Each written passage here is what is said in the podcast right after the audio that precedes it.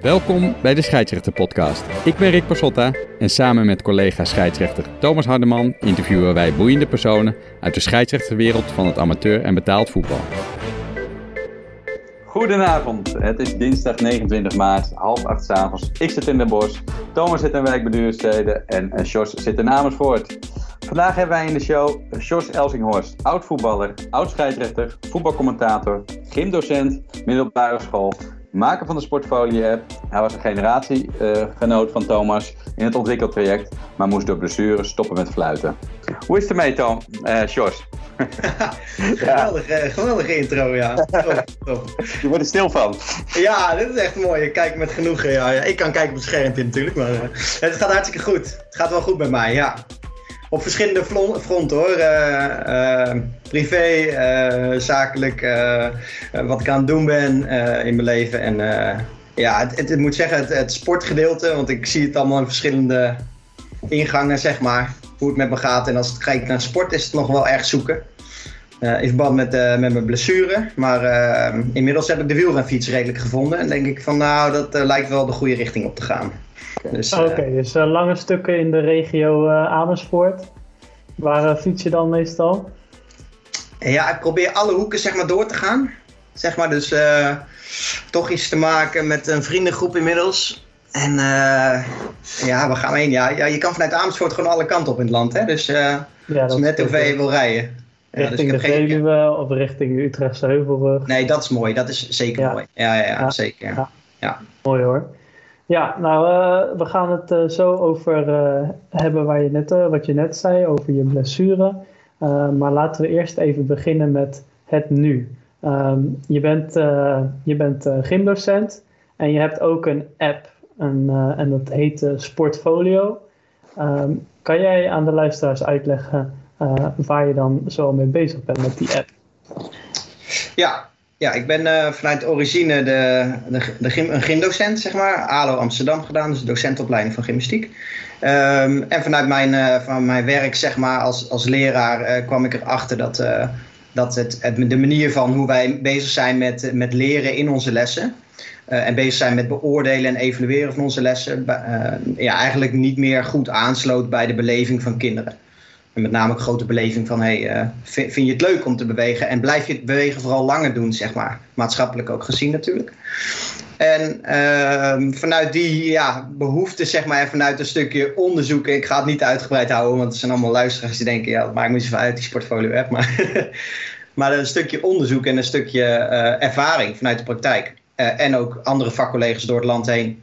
Uh, werd op een gegeven moment wel duidelijk van we moeten eigenlijk een systeem hebben waarbij leerlingen in de les, in de, in de gymles, uh, zonder dat het veel beweegtijd kiest, uh, kost, uh, heel makkelijk zichzelf zouden moeten monitoren. Zodat we meer kijken naar het proces van kinderen. In plaats van dat we aan het einde zeggen: je moet zo hard rennen of zo hoog springen om een bepaald cijfer te halen. Als je met de gedachte gaat kijken van wat, ja, wat is dan de meerwaarde van dat cijfer aan het eind? Of hè, dat, die, dat dat kind weet of hij een, bepaalde, een bepaald niveau haalt of niet. 9 van de 10 leerlingen die weten van tevoren al wat het niveau gaat worden. Want ja, ze weten inmiddels uh, binnen de les LO of ze een beetje kunnen bewegen. En iedereen ziet het ook en zij zien anderen bewegen. Dus het is heel, heel visueel. Dus ja, uh, ja dat was op zoek naar een andere, andere manier van, van, uh, van evalueren eigenlijk binnen de les LO zodat je ontwikkelingsgericht gaat leren in plaats van uh, prestatiegericht gaat leren. Ja, ja exact. Ja, exact. En, dan, en dan ook als oplossing zeg maar in de praktijk. Want uh, ja. de wens dat, wat, dat we zeg maar processen willen monitoren en zo, die was al, al daar ben ik niet de eerste van zeg maar. Nee. maar. Maar om dan ook daadwerkelijk iets te hebben wat dus heel weinig beweegtijd kost en wat snel en efficiënt werkt. Nou ja, dat werd dan uiteindelijk een app. En uh, ja dat werd toen de uitdaging om die te bouwen. ja, en daar ben je nu uh, druk mee bezig. Ja. Uh, het klinkt wel als een uh, mooi algemeen principe voor ontwikkeling sowieso. En ook binnen het fluiten. Ontwikkelingsgericht in plaats van prestatiegericht. Ja, maar daar hebben we het misschien straks nog wel even over. Ja, dat is helemaal um, goed. laten we eerst terug naar jouzelf.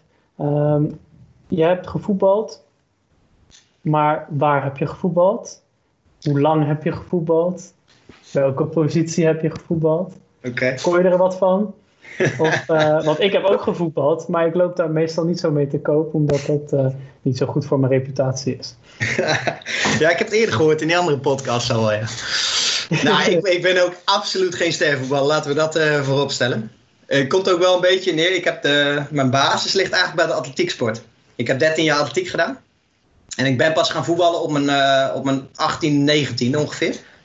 Dat heb ik eerst gedaan in een vriendenteam twee jaar. We hebben allerlei, allemaal atletiekjongens hebben we in een team gestopt. We noemden dat het soepie. en we zeiden we gaan voetballen met elkaar. Nou, je moet eens zien uh, hoe die wedstrijden gingen. Dat waren dus vooral, uh, we hadden, we hadden een, een, een, Nederlands kampioen 400 meter loper in ons team. Die jongen die, en we speelden zevende klasse zondag. Dat was de start zeg maar. Ja, het was genieten. Ehm, maar uh, na, na twee jaar was ik dat een beetje zat. En toen zei ik van nou weet je, ik, ik vind het tof, super tof. Maar ik wil eigenlijk uh, gewoon verder gaan met voetbal en stop met atletiek. En toen ben ik bij, bij Hoog, Hooglanderveen uh, terechtgekomen. Een dorpsclub uit, uit Amersfoort. En daar heb ik zes jaar, ja zeker zes jaar gespeeld. Waarvan drie jaar, ongeveer drie jaar in het eerste. Een beetje wissend tussen het eerste en het tweede. En drie jaar in het eerste. En ehm, ja, was heel erg gaaf eigenlijk. Was een mooie... Ja. En van, van eh, daaruit uh, richting het fluiten gegaan eigenlijk. Ja, nou laten we daar zo ook even over, uh, over doorzagen. Maar eerst even, je hebt dus lang atletiek gedaan. En toen ben je op je achttiende overgestapt naar voetballen. was dat omdat je atletiek niet meer leuk vond? Of hoe kwam dat? Ik wilde vroeger altijd graag voetballen toen ik jong was. En mijn moeder die heeft gezegd tegen mij, nou weet je wat, het is eigenlijk wel een beetje een ruwe sport. Ze schoppen daar tegen elkaar en zo. Dus je moet, uh, je moet je afvragen of je dat wel wilt. Ga maar eerst eens kijken op de atletiekbaan. Nou, en als je een kind zeg maar, ergens in een bewegende situatie brengt, zeg maar, dit was dan de atletiekbaan, nou ja, dan uh, ga je daar gewoon mee door, zeg maar. Dus, uh, maar, die, maar die droom, die onvervulde droom om ooit te gaan voetballen, die was er nog. En die heb ik, ja, heb ik toch, toch gaan naleven, zeg maar, vanaf, de, vanaf mijn achttiende, ja. Ja. Wat deed je dan voor afstanden? Was dat uh, echte sprints of meer de lange afstanden? Nee, ik ben uh, vooral de laatste jaren meerkamp gaan doen. Dat was wel vrij oh, intensief. En dat vond ik eigenlijk het meest gaaf, zeg maar. Omdat je dan gewoon een heel diverse uh, trainingsweek had. Met allerlei verschillende onderdelen natuurlijk, die je weer in de atletiek hebt. En dan deed je zo'n drie tot vier keer per jaar ongeveer een wedstrijd. En dat duurde dan heel weekend. En dan deed je dan echt een meerkamp. Ja. Dus en dan deed je tien onderdelen als, als man, zeg maar. Ja. Dat was flink afzien dan. Ja, want je eindigt de eerste dag al met 400 meter en dan ging je helemaal tot de verzuring. Dus uh, ja, ja, het is wel echt een bizarre sport op zich al hoor. Dus, uh, ja. ja, echt, uh, echt endurance sport wel. En wat was je favoriete onderdeel altijd? Vat je die niet? Ja, je zou niet zeggen van postuur, maar ik vond discuswerpen echt het allermooiste eigenlijk. Ja? Ja, ja. ja en waarom? Was ja, was het omdat je daar goed in was? Ja, ja ik, ik, was op zich daar, kon, ik kon die discus best wel redelijk vergooien voor mijn gevoel, zeg maar. En ik vond het gewoon heel erg mooi. Gewoon een hele mooie techniek zat erachter. Zeg maar. je, je draait twee cirkeltjes en hij moet op het juiste moment uit die kooi. En dat is wel, uh, ja, dat is wel tof. Ja. Dus het is niet alleen uh, kracht uh, discuswerpen, het is nee, vooral heel veel nee. techniek. Ja, heel veel techniek, ja. Ja, ja zeker. Oké, okay, mooi. En ja. van het discuswerpen naar uh, die uh, ruwe voetbalsport, zoals je moeder het uh, zou omschrijven. En je zei al van uiteindelijk ben je zo in het fluiten terechtgekomen. Hoe is dat gegaan? Ja, ik ben gaan voetballen bij Hoog aan de Veen dus. En vanuit eigenlijk mijn voetbal ja, ben ik... ja, hoe kwam het eigenlijk? Ik ben, ben één keer gevraagd op zaterdag om een wedstrijdje te fluiten bij de jeugd. En dat, dat beviel me zo goed dat ik dacht van, oh, dit is echt wel gaaf, zeg maar. Er waren meerdere redenen waarom ik het gaaf vond. Maar, eh, maar gewoon überhaupt het spel leiden, zeg maar. En dat allemaal in goede banen leiden. En uh, dat deed wel wat met me, zeg maar. En ik dacht ook van, oké, okay, volgens mij gaat het redelijk. En uh, ik ben eigenlijk vrij snel. Soms vlieg ik echt in dingen en denk ik, dit is gaaf. En toen ben ik al vrij snel ook me ingeschreven voor de, voor de boscursus. Uh, zeg goed? Ja, toch? Bos heette dat. Ja. ja, ja. ik ook gedaan. Ja, ja. precies. Ja. Ja, en, uh, maar je bent wel iemand die, als die iets wil doen, die wil het wel graag goed doen. Dus je, je ging vol uh, aan de slag, of niet? Ja, ik vond dat dus echt de leukste avond van de week. Want het was elke maandag. En er waren jongens op die cursus die, die hadden dan uh, ja, niet altijd even veel zin. Of ik begreep er geen reet van. Want ik vond het zo fascinerend. Ik vond, ik vond gewoon zeg maar dat we met elkaar bezig waren om over te fluiten te praten. Omdat je dan ook daadwerkelijk zeg maar... Je moet gewoon op dat veld die prestatie leveren. En dat maakt het gewoon interessant. daardoor wil ik echt alles leren. Want als je, als je dingen niet wist of niet leerde, dan, of niet ging ontwikkelen, dan, dan ging je op je bek, weet je wel. Ja. Dus ben je ja, wel ja. op je bek gegaan, eh, zo toen in het begin? Ja, ja zeker. Wat doe ik op dit veld? ja, zeker weten, ja. Ja, jawel. Maar dat is volgens mij ook, uh, dat, dat moet je gewoon meemaken. Daar word je gewoon sterk van. Daar word je gewoon sterk van. En dan is het, er werd al vaak in de andere podcast gezegd, en dan zeg ik ook heel graag wat over. Maar dat je, dat je dan, dan ga je ook echt nadenken van, maar deze pijn die ik vandaag heb gehad, die wil ik volgende keer niet meer. Ik moet iets anders gaan doen. Ja. Uh, en ja, en dan is het de vraag van hoe kan je daarover nadenken, zeg maar. Want ja, er gebeurt zoveel om dat veld en op dat veld en iedereen heeft er een mening over. En ja, ik vind dat ook, je hebt echt ongekende skills zeg maar, nodig als scheidsrechter. Dat wordt echt heel erg onderschat. Wordt echt een, uh, nu, ik daar weer, nu ik gestopt ben met fluiten en daarop terugkijk, ja. is dat alleen maar groter geworden.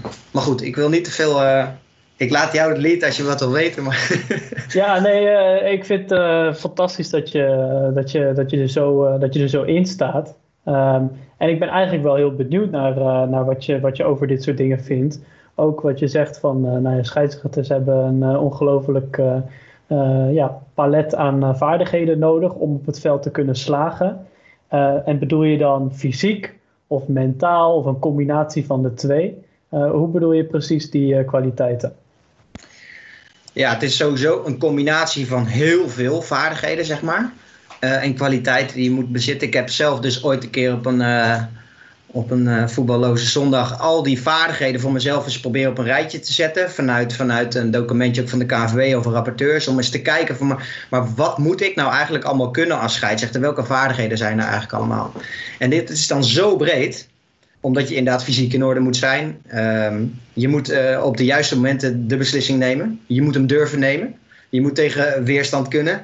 Maar dan weerstand in de zin van mensen zeggen dingen tegen jou die niet kloppen omdat ze om wat voor reden dan ook je willen ompraten, of uh, nou, bewust of soms niet bewust. Ja, um, het, het, nemen van de juiste beslissing, dus de spelregels uh, kennen. Um, dan, dan op het veld, zeg maar, de hele sociale interactie. Tussen, ja. oké, iemand zegt hier wat tegen mij, wat moet ik hier eigenlijk mee? Moet ik nu handelen of niet? Wanneer is het geel? Wat is dan een wedstrijd aanvoelen? ik, noem, ik gooi gewoon even alles op tafel, maar ja. Zijn al maar een paar dingen die gewoon in mijn hoofd opschieten. Waar ik denk van oké. en daar, ja, daar kon ik me vroeger wel eens kwaad om maken. Dat ik dacht van ja, maar echt veel mensen onderschatten dit, weet je wel. En dan kom ik dan op zaterdag, of ja, ik floot op zaterdag in die wedstrijd. En het enige doel wat ik had, ik wil hier gewoon een mega toffe wedstrijd van maken. En dat betekent dat ik gewoon uh, moet zorgen dat de regels uh, worden nageleefd en dat ik het liefst een spelleider ben. Maar um, uh, en, en daar ga ik dan ook alles voor doen, zeg maar. En dan vervolgens krijg je de vaardigheid dat mensen allemaal er wat van vinden. En daar moet je dus mee om kunnen gaan. Dus je moet het in perspectief kunnen plaatsen wat mensen zeggen. Uh, ja, je moet er een eigen idee bij, bij vormen, zeg maar. Want je wil ook graag dat je iets leert van de dingen die je doet. Ja. Maar ja, ja. is het waar wat kan je dat? kan, je, kan je leren van uh, mensen die ook een belang hebben in de wedstrijd bijvoorbeeld. Trainers of spelers of supporters. Ehm, eh, denk je dat, dat dat waardevol is om naar te luisteren, om wat mee te doen? Of moet je dat helemaal negeren? Of ligt dat wat genuanceerder? Ja, ik denk dat je juist heel veel kan leren van wat er gebeurt op het veld. Omdat het toch wel vaak actie-reactie is. Dus jij doet iets en er wordt op gereageerd. Ook al zijn het reacties die niet uh, correct zijn of uh, die gewoon niet kloppen, omdat ze een bepaald belang hebben. Maar het interessante is, en volgens mij zei jij dat een paar podcasts geleden ook, van um, probeer te analyseren waar komt het vandaan. Zeg maar, heb ik invloed gehad op wat hier nou daadwerkelijk net gebeurde? Ja. Hoe was mijn gedrag? Waarom zei die trainer dan dit of riep hij dit? Of waarom zei die speler of deed die speler zo naar mij? Heb ik daar een rol in gehad? Kan ik het volgende keer anders doen? Ja, dus het zijn signalen, maar wel, dat is dus een specifieke vaardigheid aan zich, hè, vind ik persoonlijk. Ik vind het echt een specifieke vaardigheid aan zich, dat je dus moet, moet, moet herkennen en zien van, oké, dat is, uh, daar kan ik echt wat mee, zeg maar, en dat is gewoon fake. Ja, dus ja, ja. Het, is, het is een interessante combinatie zeker, want je moet... Um, je moet zelf kritisch genoeg zijn om niet te denken dat iedereen die kritiek op je heeft ongelijk heeft. Maar je moet zelfverzekerd genoeg zijn om te weten dat uh, niet iedereen die kritiek op je heeft, uh, dat die, uh, dat die gelijk heeft. Weet je wel? Ja. Het, het, of, Ja. het, is, het, is, het is twee kanten. En, en dat, is, dat is wel heel, dat is wel heel, heel moeilijk. Een, een, een ingewikkelde vaardigheid, omdat ja, je bent soms van nature wat onzekerder of wat meer zelfverzekerd. En als scheidsrechter denk ik dat je tot, als best tot je recht komt als je, uh, als je zowel zelfkritisch bent, uh, maar ook vertrouwen hebt in je eigen, in je eigen presteren. Dus dat is een, een interessante vraag, een interessante vraag die je daar stelt. Uh, dan over een ander palet van vaardigheden, namelijk de fysieke aspecten. Als scheidsrechter moet je natuurlijk een hoop, een hoop lopen, dat weet je zelf ook. Maar dat was je al gewend van, vanuit het atletieke. heeft dat jou uh, geholpen daarin? Of um, is het heel anders om trainen en fit te zijn voor het fluiten dan voor bijvoorbeeld uh, bij de atletiek? Nee, dat heeft me absoluut geholpen. Zeker. Ik heb ook bij atletiek heel, sowieso heel goed geleerd, of tenminste een bepaalde looptechnieken aangeleerd gekregen. En ik heb geleerd ook hoe je een beetje kan trainen, dus dat, dat scheelt. Hoe je om kan gaan met je energie en dat soort zaken. Uh, dus dat scheelt zeker, ja. Ja, en, en ik, ja, de vaardigheid van fysiek zeg maar in orde zijn, of, of de competentie fysiek, fysiek zeg maar in orde zijn, dat, dat levert je zoveel op. Want als jij gewoon als scheidsrechter gewoon fit bent en jij kan overal bij uh, zitten, dan zie je het sowieso echt oprecht veel beter. En als je gewoon zo fit bent dat je niet steeds met je tong op je schoenen loopt, dan uh, hoef je ook geen aandacht te besteden aan of je het wel gaat redden, die sprint nog in die 80ste minuut. Maar dan kan je gewoon volle bak gaan in, wat de wedstrijd op dat moment nodig heeft. Dus voor mij is, zoals spelregelkennis ook, en fysieke gesteldheid de basis waar je ook veel invloed op kan hebben als scheidsrechter voor het fluiten van goede wedstrijden. Ja, nee, daar ben ik het helemaal mee eens. En ik wil eigenlijk ook nog een factor toevoegen. Want jij hebt het over um, als, je, uh, als je goed volgt, als je er kort op staat, dan zie je het beter. Um, en dan ben je vrij in je hoofd, want je, bent, je hoeft niet bezig te zijn met ben ik fit of niet, red ik het of niet. Uh, maar daarnaast um, is het ook een beetje uitstraling. Als je telkens kort volgt en je maakt een beslissing. Ik had uh, in een wedstrijd een aantal weken geleden een beslissing. Dat was een situatie waarin de bal diep werd gespeeld en ik sprintte erachteraan. En ik stond op, ik denk drie, vier meter van het duel. Um, en de speler ging neer. En ik was overtuigend met mijn signaal van dat er niks aan de hand was en dat er doorgespeeld moest worden.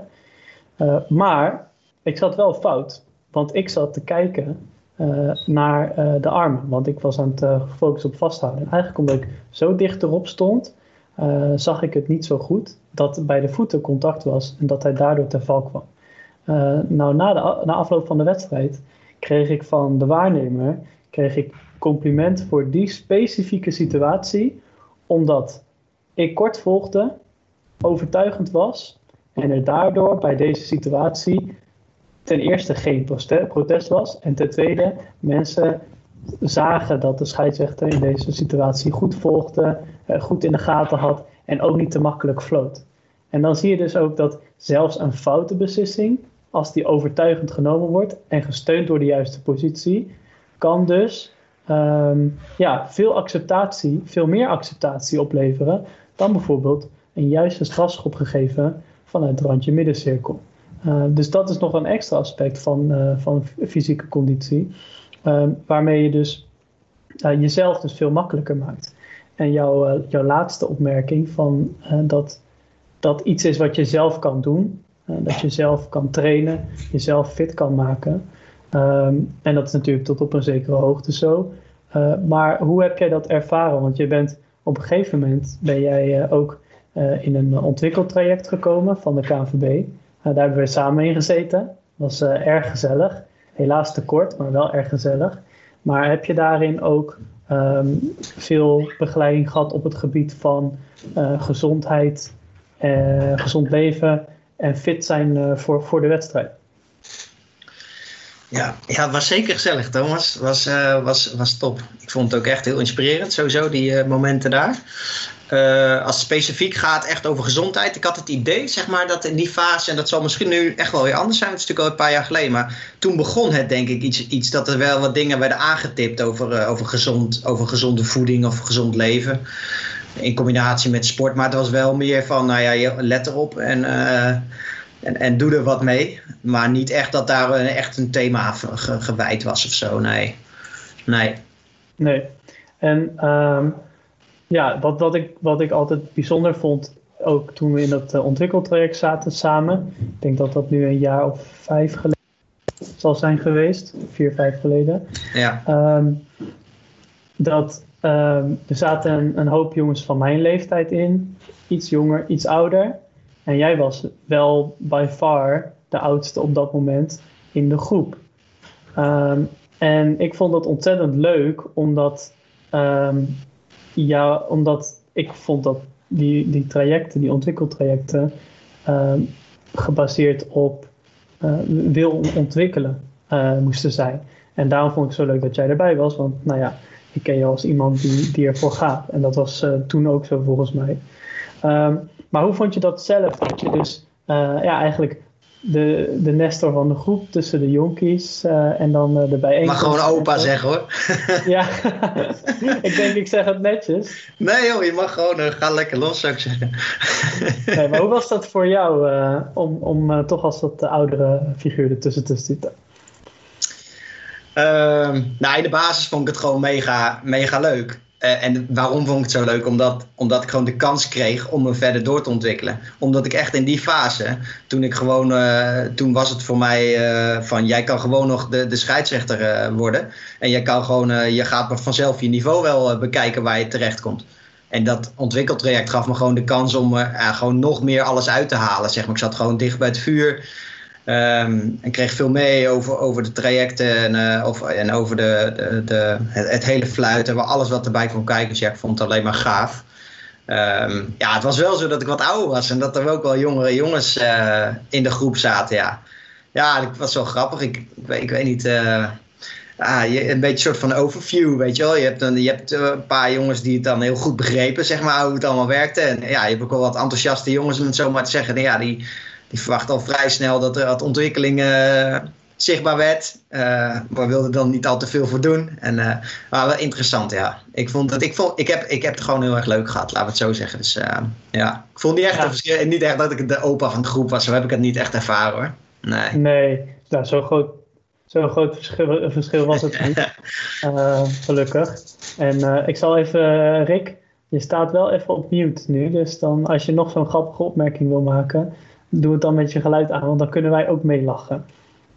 Je staat op stil. Nee, het blijft stil, ja. het is wel lekker rustig. Dan kunnen wij gewoon verder met het gesprek. En dan uh, zoekt Rick het lekker zelf uit. Als je met de verkeerde muisknop, uh, of als je op die drie puntjes drukt, Rick, dan kan je daar, uh, als het goed is, voor jezelf van het dempen afhalen. Ik, ik doe nu even kijken. Ja, hallo. Ja. Oh, nu niet meer. Nu niet meer. Oh, wat gek. En dan hoop ik dat de intro. Maar hoorden jullie de intro wel dan? Ja, ja. zeker, ja. zeker, zeker. Okay. Maar goed, dit kunnen we ook gewoon mooi uitknippen. Ja, maar, ja uh, jullie knippen en plakken een beetje of zo of niet? Dus. Ja, Rick kan dat ook heel goed. Rick kan heel goed uh, knippen en plakken. Ja, dus uh, die uh, pakt zo de schaar erbij en, en zijn plakband. En dan, ja, dan gaat hij knippen en plakken. Dus dat komt helemaal goed. Ja. Um, ja, nou, we hebben het over het ontwikkeltraject gehad. Um, nou, dan gaan we het over je blessure hebben. Um, als mijn deur ook dicht gaat. Um.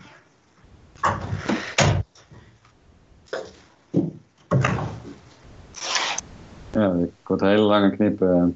Ja, oké. Okay.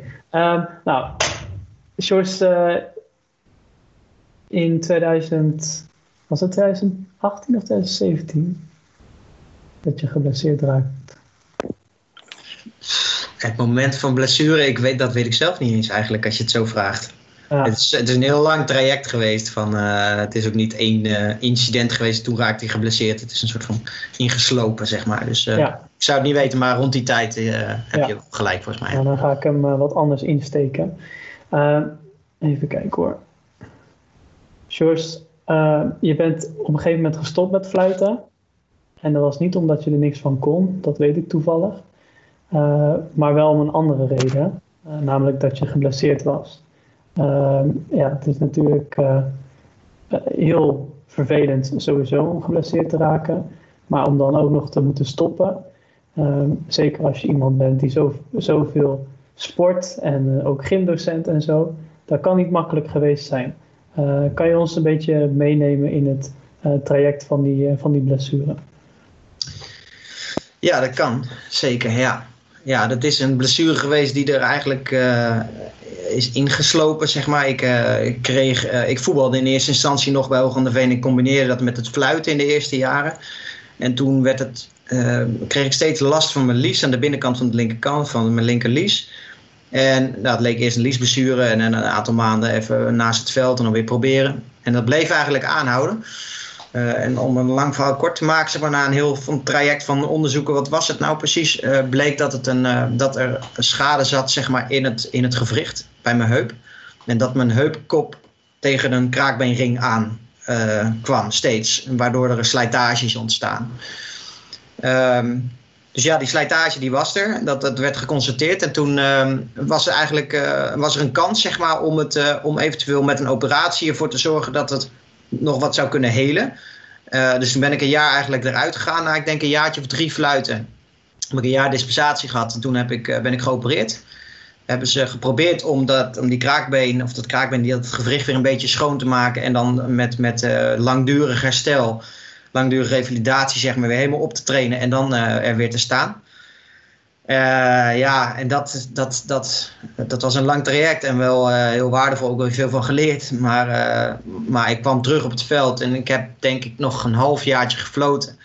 En toen op, de, op de zaterdag, was, ik weet nog dat het zaterdag, zaterdag 4 december was het samen met mijn coach eh, Wim de Boer op pad naar, uh, naar Zandvoort. Voor mij debuut in de tweede klas op zaterdag. Dus echt, ja, was, ik was in de goede richting uh, aan het gaan. Maar dat was ook eigenlijk direct mijn laatste wedstrijd.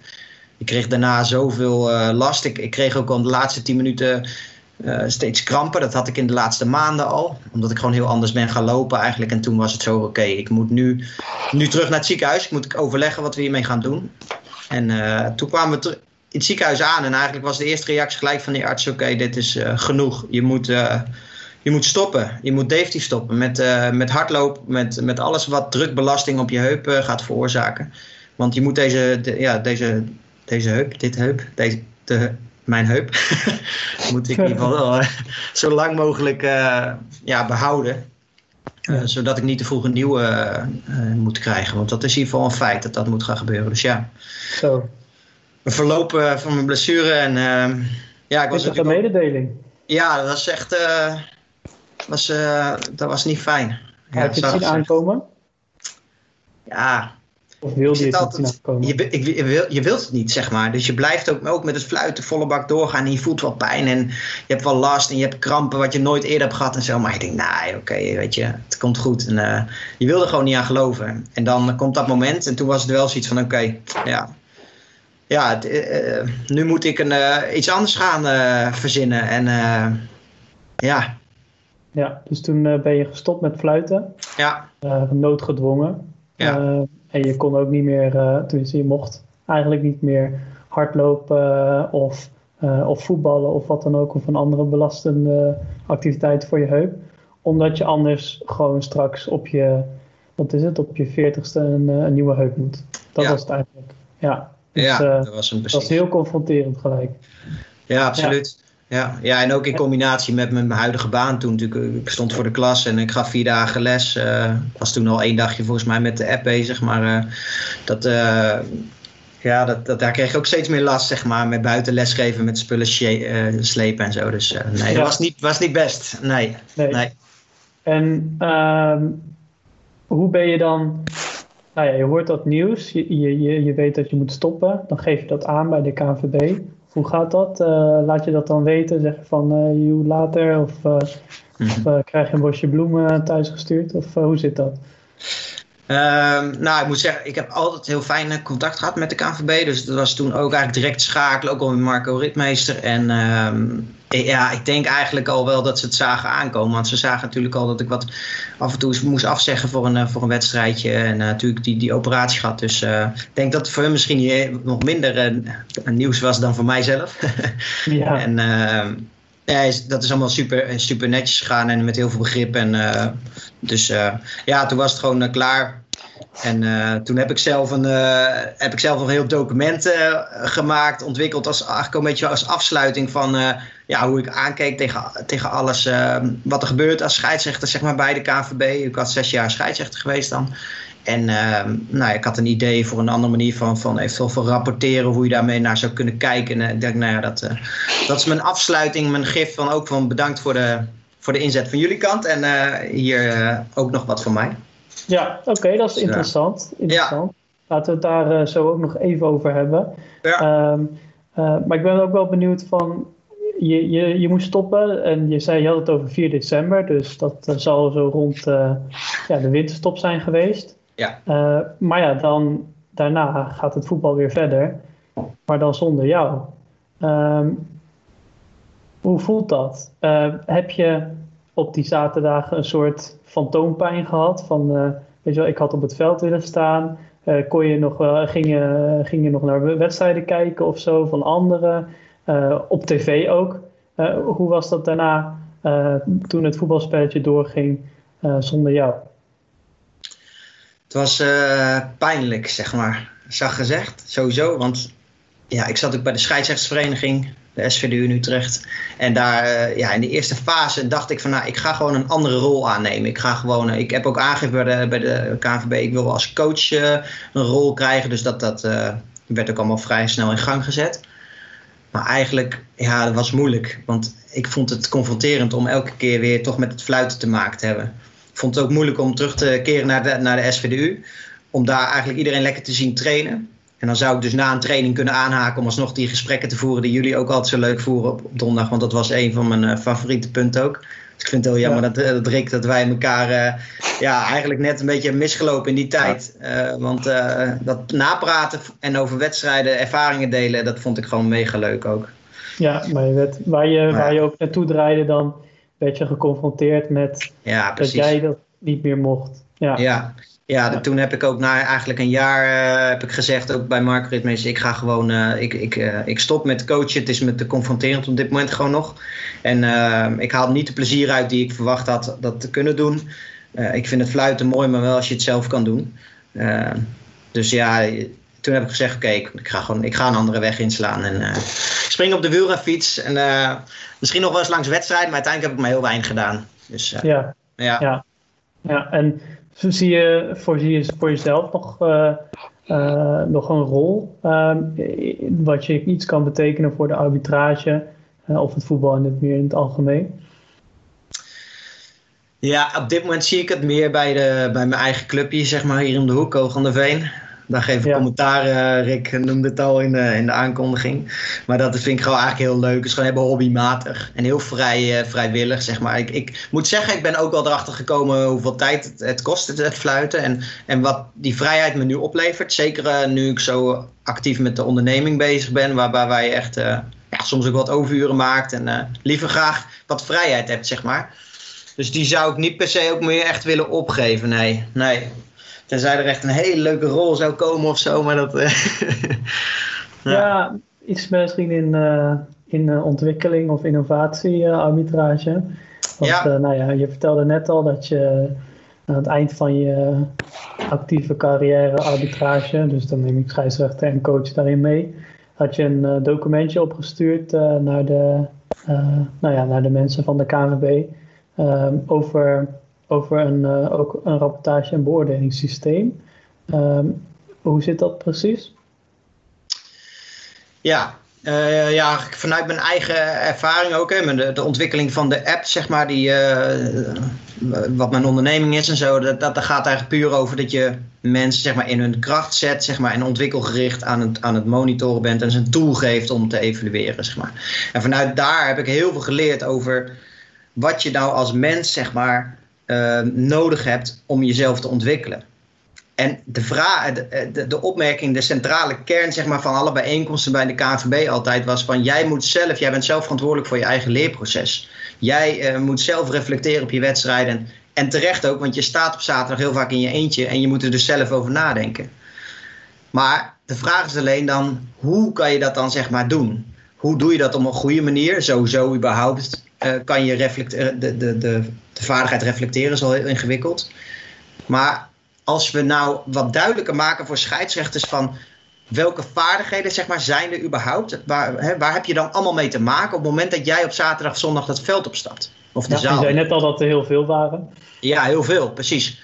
En doordat er weer zoveel vaardigheden zijn, dat het zo complex en zo super uitdagend is, wat super vet is zeg maar, aan het fluiten, want dat is echt de kern waardoor ik het zo vet vind, ja. Uh, moet je eigenlijk overzicht creëren. Moet je zichtbaar maken wat er nou eigenlijk allemaal is aan vaardigheden, waar je jezelf op kan ontwikkelen. Um, nou ja, en daar, daar heb ik toen, uh, ja, ik heb een, een voorstel geschreven vanuit mijn eigen gedachten en uh, ideeën en passie. Van nou ja, we moeten volgens mij helder krijgen als scheidsrechter waar kan ik allemaal aan werken. En we moeten dat ook een beetje kaderen voor de scheidsrechter. En uh, nou, ik heb dus, ben even in, in Word gedoken. Dus ja, ja, mooi, mooi. Ja. ja. En ja, ja, mooi om te zien dat, ja, dat, dat je passie voor, voor het fluiten uiteindelijk toch op enige manier uh, zijn uitweg vindt. Uh, ook al kan het misschien niet op het veld. Dat je dan uh, ja, zo groep voelt om, om zo'n documentje op te stellen. En dat geeft me ook hoop voor de toekomst. Dat, dat er een moment komt dat George Elsinghorst wel jonge talenten coacht naar, naar een plek die hij ook had kunnen halen als die, als niet dwars gezeten was door blessures.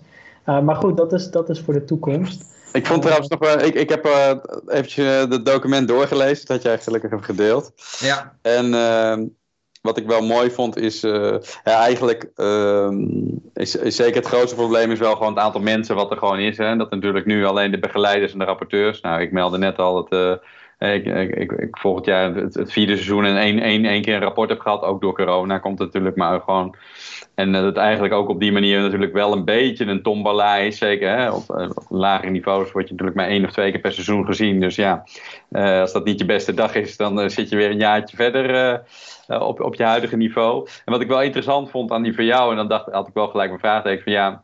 Een scheidsrechter mag dus hè, mag, mag zelf, zichzelf beoordelen in competentie. Nou, dat, dat kun je ook nog een beetje neutraal maken door een 360 graden methode. Door misschien uiteindelijk nog, een coach mee, of een rapporteur en nog een andere collega scheidsrechter daarna te laten kijken. En ook door het zelf aanleveren van videobeelden. En um, ja, dan denk ik altijd wel van, um, ja, hoe ga je dan die videobeelden? Want ja, uh, uh, zeker op mijn niveau wordt nu niet alles gefilmd. Alleen denk dan wel, ja, het is, weet je, als, als je als scheidsrechter dan echt hoger op vindt, is het voor mij tien keer makkelijker om iemand te vinden die, uh, die dan maar gaat filmen een wedstrijd. Of om dat een of andere manier te doen. Dan om een begeleider te vragen. Als jij een vriend of vriendin hebt die eventjes kan. Um... Dus ja, dat, dat vond ik zeker wel interessant. En ik had ook wel de vraag.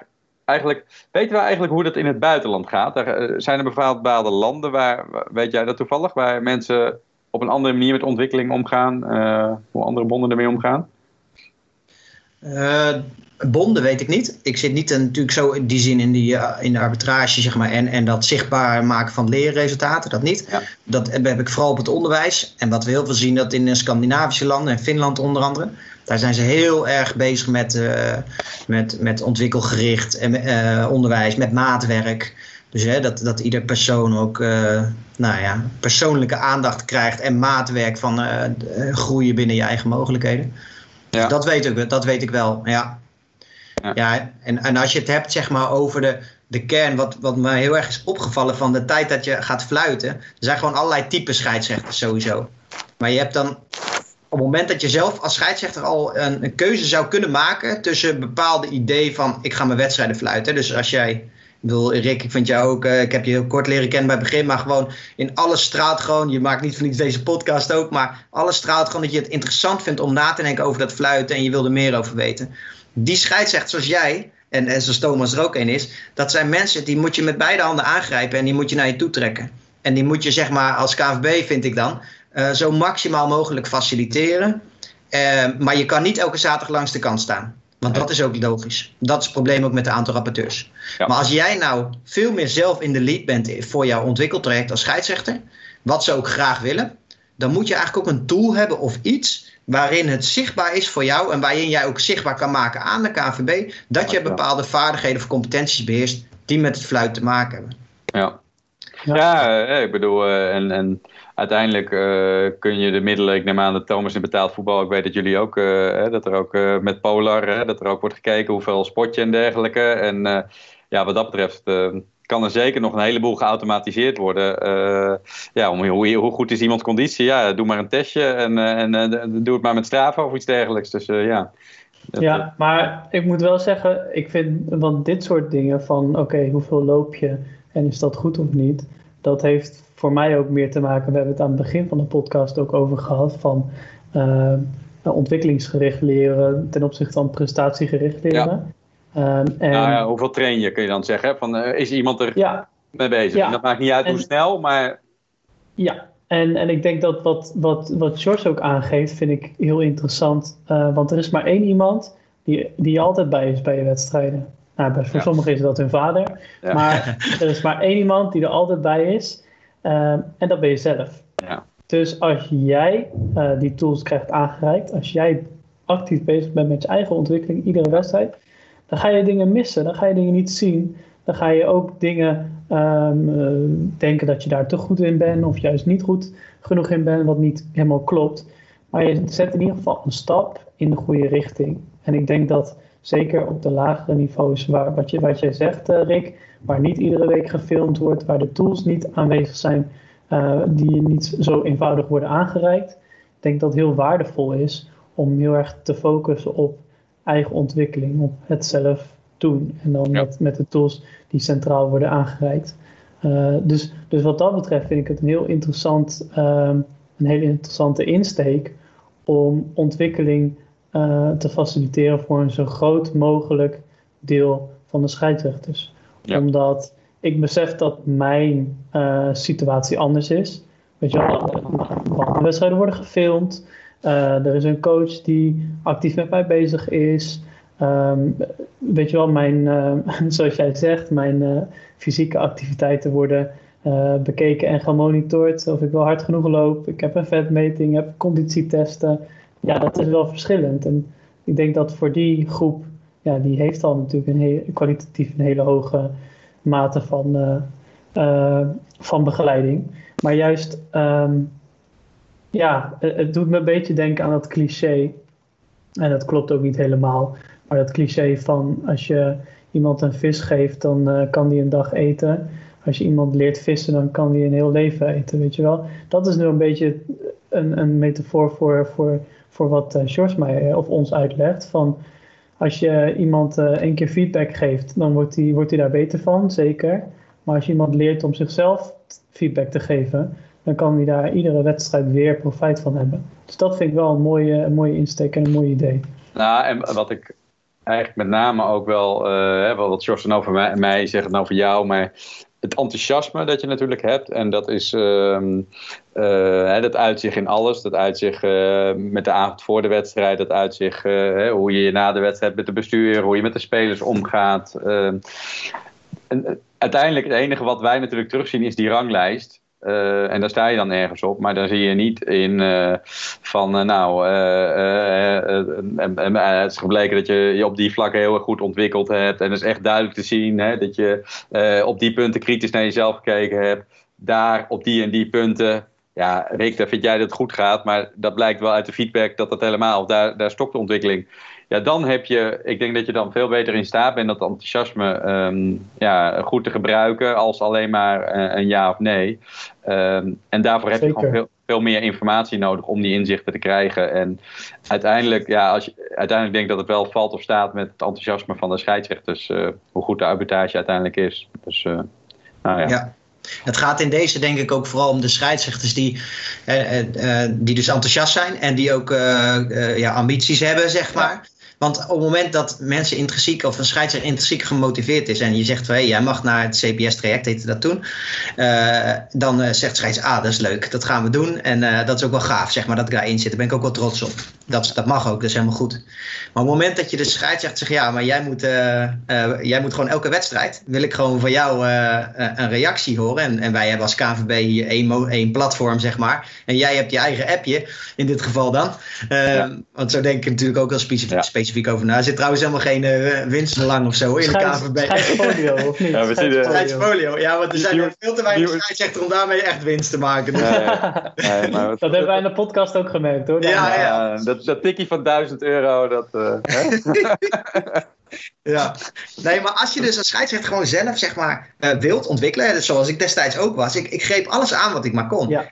Dan kan je ook, als je dat wilt, kan je ook laten zien aan de KVB. Kijk, ik geef gewoon elke week netjes al mijn, mijn, klein wedstrijdverslag door, mijn, mijn aantal kaarten, hoe heb ik me gevoeld in de wedstrijd, zijn er incidentjes gebeurd. Dat doen wij nu trouwens als een pilot bij Hoog aan de Veen, met alle scheidsrechters die daar wedstrijden fluiten. Die vullen nu, eh, ja, door de corona viel het wat in het water, maar die, vielen, die fl- floten zeg maar, fluiten een wedstrijd. En die doen dan na de wedstrijd, geven ze een paar korte reacties op die wedstrijd. Zodat de, de begeleiding vanuit de club direct kan inspelen. Zeker als er incidentjes zijn onder andere. Om scheidsrechter te weer te behouden, zodat ze langer door blijven gaan. Dat was dan Ja. hun doel. Ja. En Ja. plezier. En Ja, plezier, zeker. precies. Ja. Maar als je dus wilt als scheidsrechter, kan je dus gewoon aantonen. En ik, ja, je had het net over die videobeelden. Kijk, videobeelden, dat gebeurt in onze les Alone ook heel mooi. Dat maakt het heel visueel. En het is Ja. natuurlijk wel ingewikkeld om je videobeelden op het juiste moment te hebben in, bij zo'n wedstrijd. Dat. Dat zo. Dus het is eigenlijk ook premium, zeg maar. Als je dat haalt, hè, je moet in ieder geval de mogelijkheid hebben om beelden in een, in een soort van portfolio te zetten. Zodat je in ieder geval kan aantonen dat je bijvoorbeeld zegt tegen je vader, als die dan komt kijken elke week is zo mooi. Pa, als ik eh, de vrij trappen, elke keer waar ik ga staan, dan ga jij kort even filmen. Ja. En, dan, heeft- en dan heb je na je wedstrijd heb je vier momentjes dat jij een vrije trap eh, ge- gepositioneerd stond. En dan ga je checken van, nou, hoe was mijn positie kiezen bij spelvattingen? Nou ja, perfect. Ja, die is dan redelijk simpel. En dan nou ja, kan je het ook in de laatste 10 minuten van hoe loop ik nog mee in het spel. Ja, ja joh, ik, kan, ik ga nog Ja, nee, super. Nee, maar ik, zie het ook gelijk helemaal voor me inderdaad. Dus dat, Ja. dat is heel, heel mooi inderdaad. En het, Ja. is, het is ook precies, het haakt ook precies in op wat, weet je wel, waar, waar Rick vooral, waar jij het over hebt gehad met andere gasten eh, bij onze podcast. Van, eh, je, je wil zo graag, je doet je best, maar je hebt zo weinig ruimte om je te laten zien. Ja. Eh, en je kan dan één keer in een wedstrijd eh, fluiten, maar en één keer gerapporteerd worden in een, in een, wedst- eh, in een seizoen, één wedstrijd fluiten. Maar daarin kan de KNVB dus niet zien hoeveel jij je best doet, hoe goed je je voorbereidt, hoe gemotiveerd je wel niet bent. En nou ja, zo'n portfolio waarin je dus eh, reflecteert op je eigen seizoen, op je eigen ontwikkelpunten, et cetera. Eh, dat is wel natuurlijk een, een, een extra meetpunt ehm, die je kan combineren met een rapportage en spelregel, eh, weet je wel, spelregel scoren bij Ja. de bijeenkomsten, aanwezigheid bij bijeenkomsten. Dat je dus een grotere ehm, ja, een grotere verantwoordelijkheid voor je ontwikkeling en voor je eigen doorstroming legt bij de scheidsrechter zelf. Ja. Want ja, als een scheidsrechter daar geen interesse in heeft en zegt van, nou ja, ik vind het bullshit dat ik eh, iedere week moet opschrijven of ik het goed vond gaan of niet. Dat doe ik al 30 jaar niet en dat ga ik nu niet doen. Dat is ook prima, weet je wel. En dan weet je dat. En dan weet iedereen van, oké, deze scheidsrechter, die vindt dat niet nodig om, eh, om zijn eh, motivatie te laten zien. Nou, dan kan hij het maar beter gaan laten zien in de wedstrijden. Ja. Eh, want anders is het natuurlijk een vraagteken. Maar Ja. dat, dat, is, dat is denk ik wel een mooie oplossing. Zeker voor de, voor de categorieën waarin ehm, ja, een wedstrijd die gerapporteerd wordt... een heel groot onderdeel wordt van hoe jouw seizoen uiteindelijk verloopt. Ja. En het zou ook naast elkaar kunnen bestaan. Ik bedoel, die scheidsrechter die, die, die 30 jaar die zich niet hoeft te ontwikkelen, die kan misschien nog vele malen betere scheidsrechter zoals ik zijn. Eh, eh, maar die heeft die ontwikkeling nog, eh, al doorgemaakt. Dus wat dat betreft denk ik ook dat er een soort hybride model zou moeten zijn. Omdat eh, overhand anders Ja. ga je heel veel mensen verliezen die nog wel heel, heel waardevol voor de sport eh, zijn. Zeker. Ja. Nee, maar dat, is heel belangrijk. precies Dat- wat vroeger was, eh, hadden ze een groep 5 ster. had je groep 5. Daarin werd je niet gerapporteerd, want je vond prima dat je op dat niveau floot. Uh, in mijn hoofd was dat uh, vierde en vijfde klasse. En had je groep 5 ster. En dat was dan een groep waarin je wel werd gerapporteerd. Uh, en, en dan had je dus natuurlijk ook kans om, om te promoveren. En nou ja, dat is ook natuurlijk een, een mogelijkheid om, dit, om een systeem wat George uitlegt, om daar een versie van neer te zetten. Ja. Van nou ja, als je in aanmerking wil komen voor een ontwikkeltraject, dan, dan ga je hierin mee. En dan ga je in deze pilot mee. En als je zegt van, nou ja, dat is niet voor mij weggelegd, dat ontwikkeltraject. Ik doe dat op mijn eigen manier.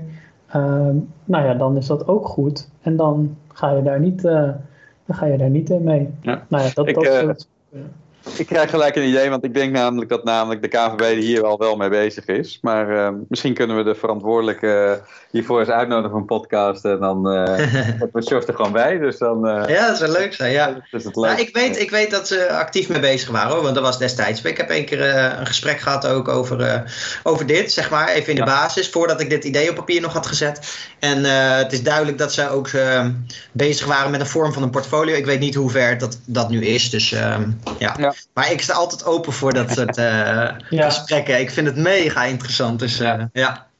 ja. Toevallig hebben we Marco net gehad. Natuurlijk, maar misschien er zijn nog wel andere mensen met de KVB die wij ook vast nog wel een keertje willen uitnodigen. Ja, ja precies. Goed. Frank de Boer. goeie, goeie. Ja. Kijk wat hij ervan vindt. Ja. Gaan we dan beloven dat we niks over Qatar gaan vragen, dan komt hij vast. Ja, ja, precies. Nodig jij hem uit? ja, ik zal hem even bellen. Ja. Nou, ik denk dat dat een uh, mooie gepaste afsluiting is uh, voor mij. Ik weet niet, heb jij nog uh, Zijn we er al, ja. ja we nee, we hebben natuurlijk altijd hebben nog wel... ja, eigenlijk vind ik dat het niet mag onder... ja, dat mag niet ontbreken. Mooie, memorabele wedstrijden. Of een anekdote. Net heb je wel specifiek wat, wat globaal dat alles niet helemaal lekker liep. Maar misschien kun je nog een mooie ons meenemen in een mooie wedstrijd. Ja, ja.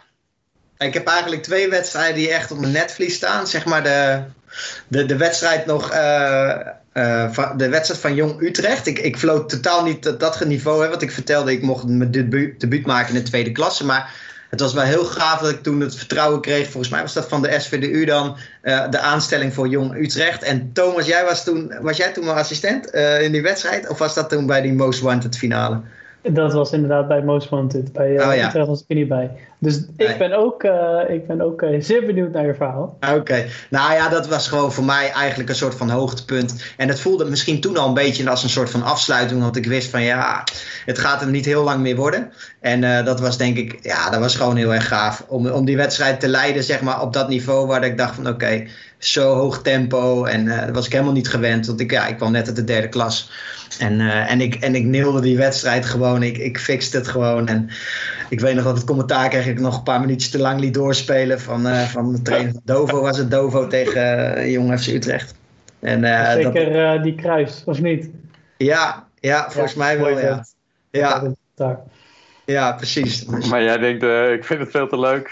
Laten we maar even doorgaan. Ik vond het mooi, ja. En, nou ja, goed. Nee, ik was gewoon... Uh, ik, ik was van mening dat die, dat die avond nog afgespeeld moest worden. Het was, het was inderdaad wel net tijd. Dus eigenlijk had hij ook gelijk. Dus als die luistert, dat doet hij vast niet. Maar dan, dan kan hij nog op terugkomen. nee, dat, dat vond ik gewoon... Ik vond het gewoon een hele gave uh, setting. Vooral om de snelheid van het spel, et cetera. Maar ook wel omdat ik dacht van... Oh ja, ook, ook zij accepteren mij gewoon als derde klasse scheidsrechter, zeg maar. Dus... Ja, en ik heb, ik heb één, keer, uh, één keer een moment gehad, een wedstrijd waar ik. Uh, dat bleek achteraf dat ik had moeten staken. Maar ik had nooit van staken gehoord. Dat was nooit in mijn hoofd opgekomen. en, uh, en vertelde Wim de Boer, was mijn, is, was mijn, was mijn coach. En een, echt heel veel van geleerd. En echt een man vol met passie voor het fluiten. Dus echt mega leuk. En uh, ik, ik floot een wedstrijd. Uh, ik, ik weet niet precies welke teams het was. Maar vooraf ging ik erheen. Het, was een Turks elftal die vooral Turkse spelers bestonden. En dan een, een elftal met, met vooral kampers. Dat was de reactie toen ik daarheen ging. En dat appje kreeg volgens mij een uur van tevoren of zo. Van, uh, leuk Jos die wedstrijd. Maar let even op, want er gaat nog wel eens mis daar. en nou ja, dat was echt een bizarre wedstrijd gewoon voor mezelf. Echt, daar, daar werd ik echt, moest ik alles uit de kast trekken. Ze deden er echt alles aan om die wedstrijd kapot te maken. overal waar ik niet keek gebeurde wat. Ik ging met zeven of acht gele kaarten de rust in.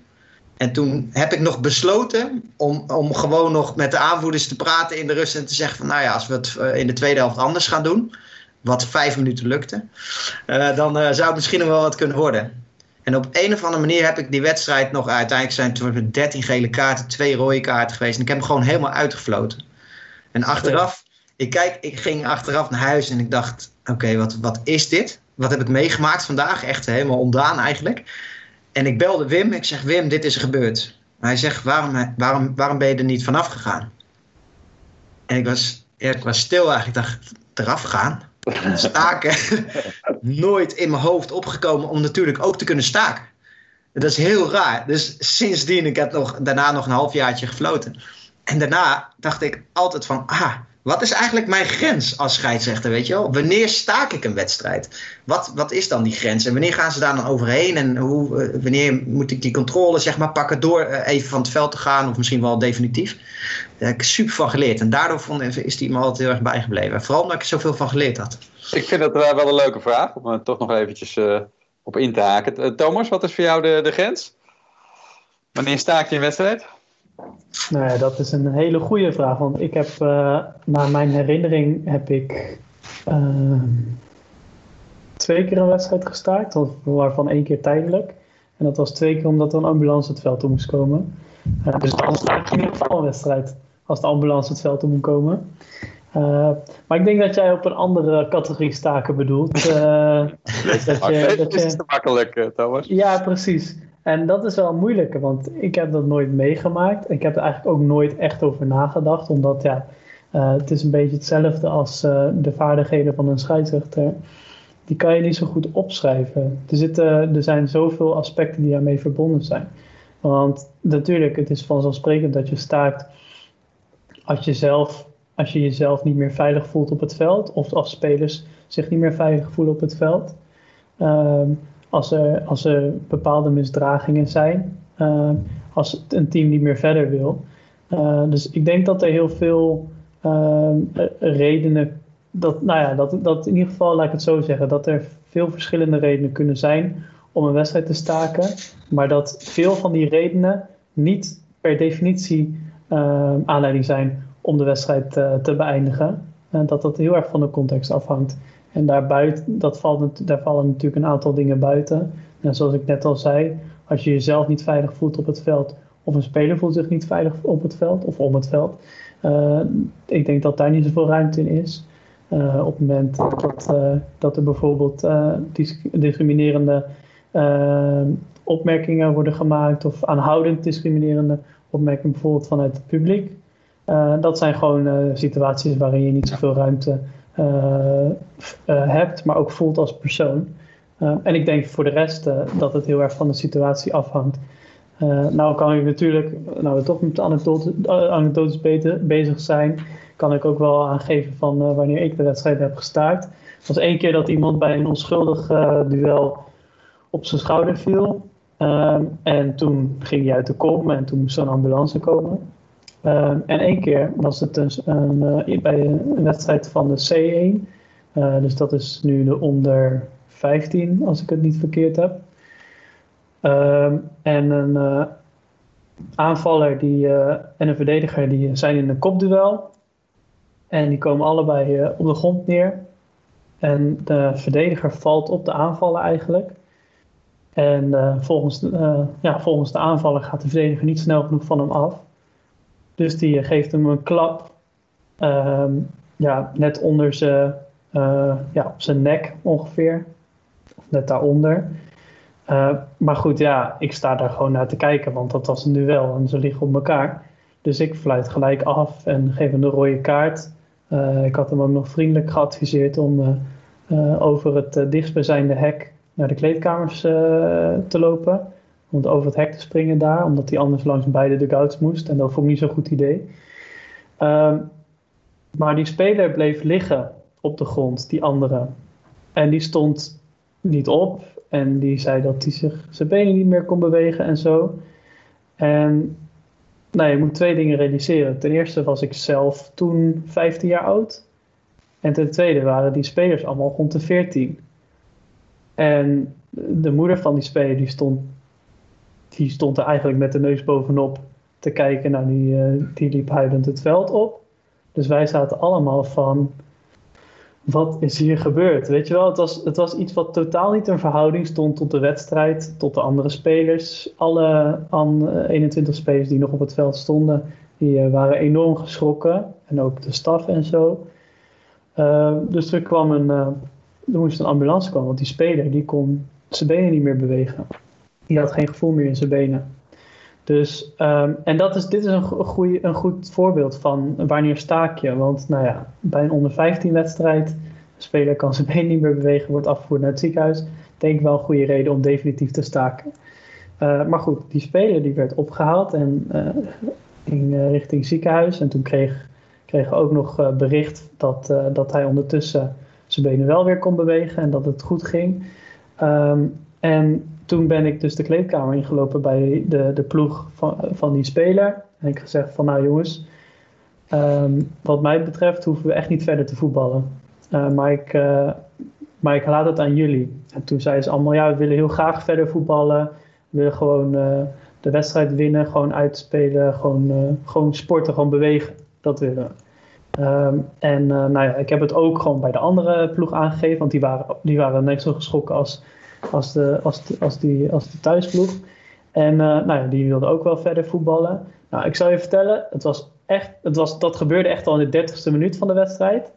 Um, maar dit, dat was de raarste wedstrijd die ik ooit heb gefloten daarna.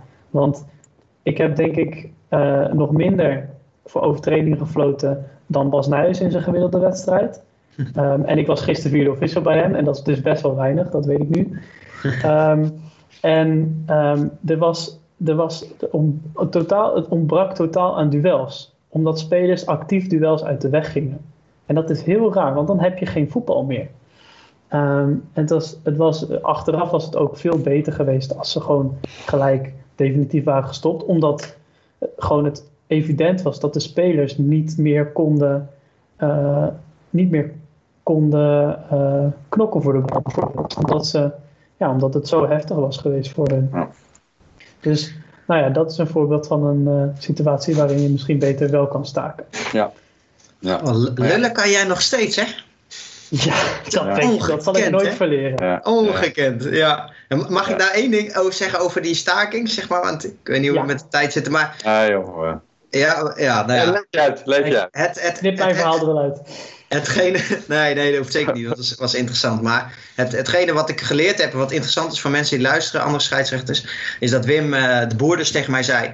Hij zei van Sjors, uh, moment van staken is in ieder geval het moment dat de spelers zeg maar uh, scheid hebben aan wat je doet. Dus ja. als jij een, een gele kaart geeft, ja. En die gele kaart die, die, die moet preventief zijn ook. Die moet, die, moet ja. die jongen bestraffen voor die overtreding, maar preventief zijn voor de, voor de vervolg. Als jij dit doet, dan gebeurt er dit. Precies, juist. En, en, nou ja, en op het moment, en de jongens die hadden dus eigenlijk al na, na minuut 20, en dat heb ik nog nooit in mijn leven meegemaakt, scheid aan een gele kaart. Het interesseert ze niet. Ik kon ze gewoon geven. Het is, dus, ja. En, ja, en toen was het einde zoeken. Dat was, voor, dat was het signaal om te staken, omdat dat eigenlijk, ja, mijn, mijn, ik had geen maatregelen meer. Ik kon ja, alleen nog maar staken. Nee. En dan zei Wim ook terecht: hoe kan je de jongens het ergste pakken door die wedstrijd te stoppen? Want uiteindelijk komen ze toch allemaal om te voetballen. Ondanks ze er een zooitje van maken. En dat was, dat was een heel goed punt. En dat had ik ook moeten toepassen. Want dan had ik wat kunnen veranderen, wellicht, of niet. En dan had ik in ieder geval even kunnen staken wellicht kunnen zeggen, zo gaan we niet door. En als het dan daarna doorgaat, lopen we definitief van het veld af. Bij wijze van spreken. Maar goed, veel van geleerd. En uh, misschien ja. interessant voor mensen die luisteren. Nou, maar Rick, jij... Uh, ja. Nee, maar precies wat jij nu zei. En, uh, ik heb drie wedstrijden gestaakt. Eén keer nog in de B-categorie van mijn eerste. maar ik zal ze niet allemaal toelichten. En één keer vanwege het weer. Dat, ik vond het wel mooi dat het veld lekker nat was. Maar beide ploegen begonnen meer en meer te zeuren. En in de rust. Ja, op een gegeven moment ik ben ook altijd wel zo van, ja, weet je, dat is net zoals met die waterpauzes. Uh, als, als 22 man het willen en ik kan wel zeggen, het is niet nodig, dan heb ik zoiets van, joh, ga, neem lekker een drinkpauze. Uh, en, uh, maar goed, in ieder geval had ik bij, dat was de oefenwedstrijd van FZO, Flats Zuidoost heet dat volgens mij, Flats Soest-Oost, uit, uit Soest, tegen Elinkwijk. En...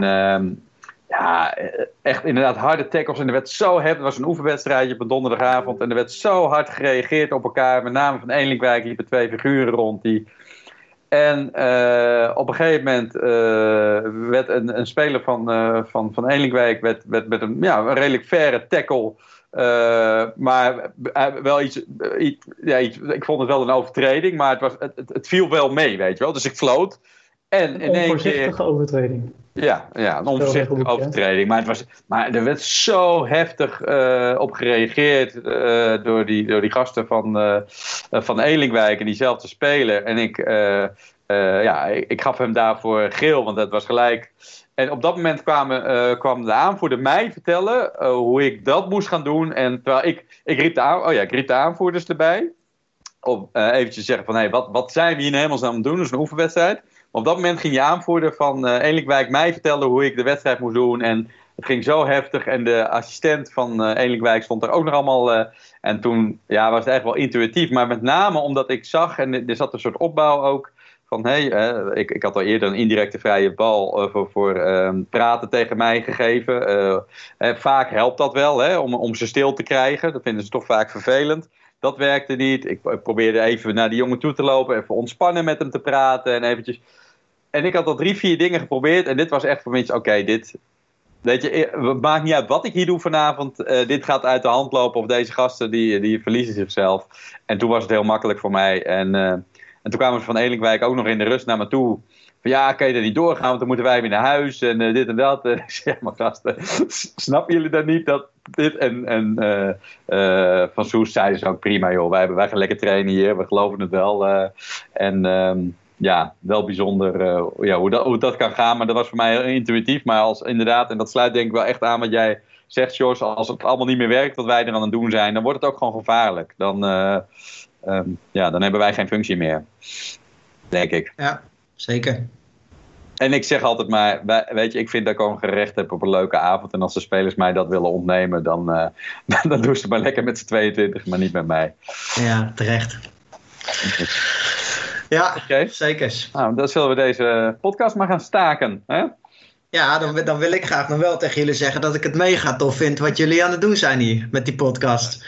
Nou, dat uh, wil ik al gezegd hebben, want uh, het is echt ongelooflijk leuk. Uh, ik denk dat er heel veel scheidsrechters ook, hier ook baat bij kunnen hebben, maar ook gewoon weer even die beleving van dat fluiten kunnen hebben. Dus ja, blijf lekker ja. doorgaan, zou ik zeggen. Ik, ja. ik ben jullie vaste fan in ieder geval. Leuk, nou fijn. Goed om te horen. Ja. Thomas, ik hoor jou niet meer.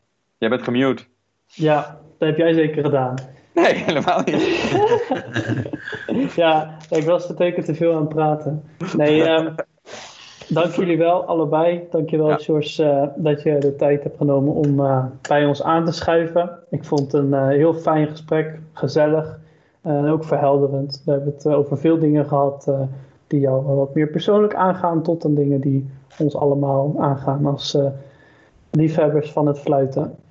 Um, ja, ik had eigenlijk nog uh, een laatste onderdeeltje bedacht. Omdat jij een commentator bent, uh, dacht ik, uh, kan jij ook wel nog een situatie becommentariëren? Um, nou, dat, dat gaan we zo even proberen met de techniek. Dan ga ik mijn scherm delen en zo. ja, dames en heren, welkom bij de wedstrijd Alcides tegen SJC. Uh, waar we gelijk eigenlijk op een cruciaal moment uh, instappen. Want we zien een uh, penalty situatie. Het lijkt even op trekken. En scheidsrechter Hardeman gaat gedecideerd met de kaart omhoog. Het is geel voor SJC. De verdediger nummer 7. Ik heb geen namenlijst vandaag helaas. Maar de penalty gaat genomen worden. En die wordt heerlijk ingeschoten. Aan de rechterkant gewoon in het bovenhaakje. is toch voor de mensen die thuis zitten mee te kijken. Lekker binnenkantje voet. En die zit er goed in. Ah, de acceptatie was overigens ook mooi van uh, de spelers uh, om uh, Thomas heen. Ik denk dat hij het goed heeft weggezet. Nou, mooi, mooie afsluiting. Ja? Dankjewel, dankjewel. Oké okay dan, toppie. Jij mag altijd commentaar geven bij mijn wedstrijd, ik hoor het al. mooi hè? Hij is goed hè? Hij is goed. Oké okay dan. En dit was het dan alweer. Leuk dat je hebt geluisterd naar de Scheidsrechterspodcast. Als je enthousiast bent over de podcast, zouden wij het enorm waarderen als je de podcast deelt op social media. Heb je vragen? Zou je bepaalde onderwerpen of gasten in onze podcast willen zien? Of wil je ons gewoon laten weten wat je van de show vindt? Stuur dan een mailtje naar de scheidsrechterpodcast.gmail.com. Bedankt voor het luisteren en tot de volgende aflevering.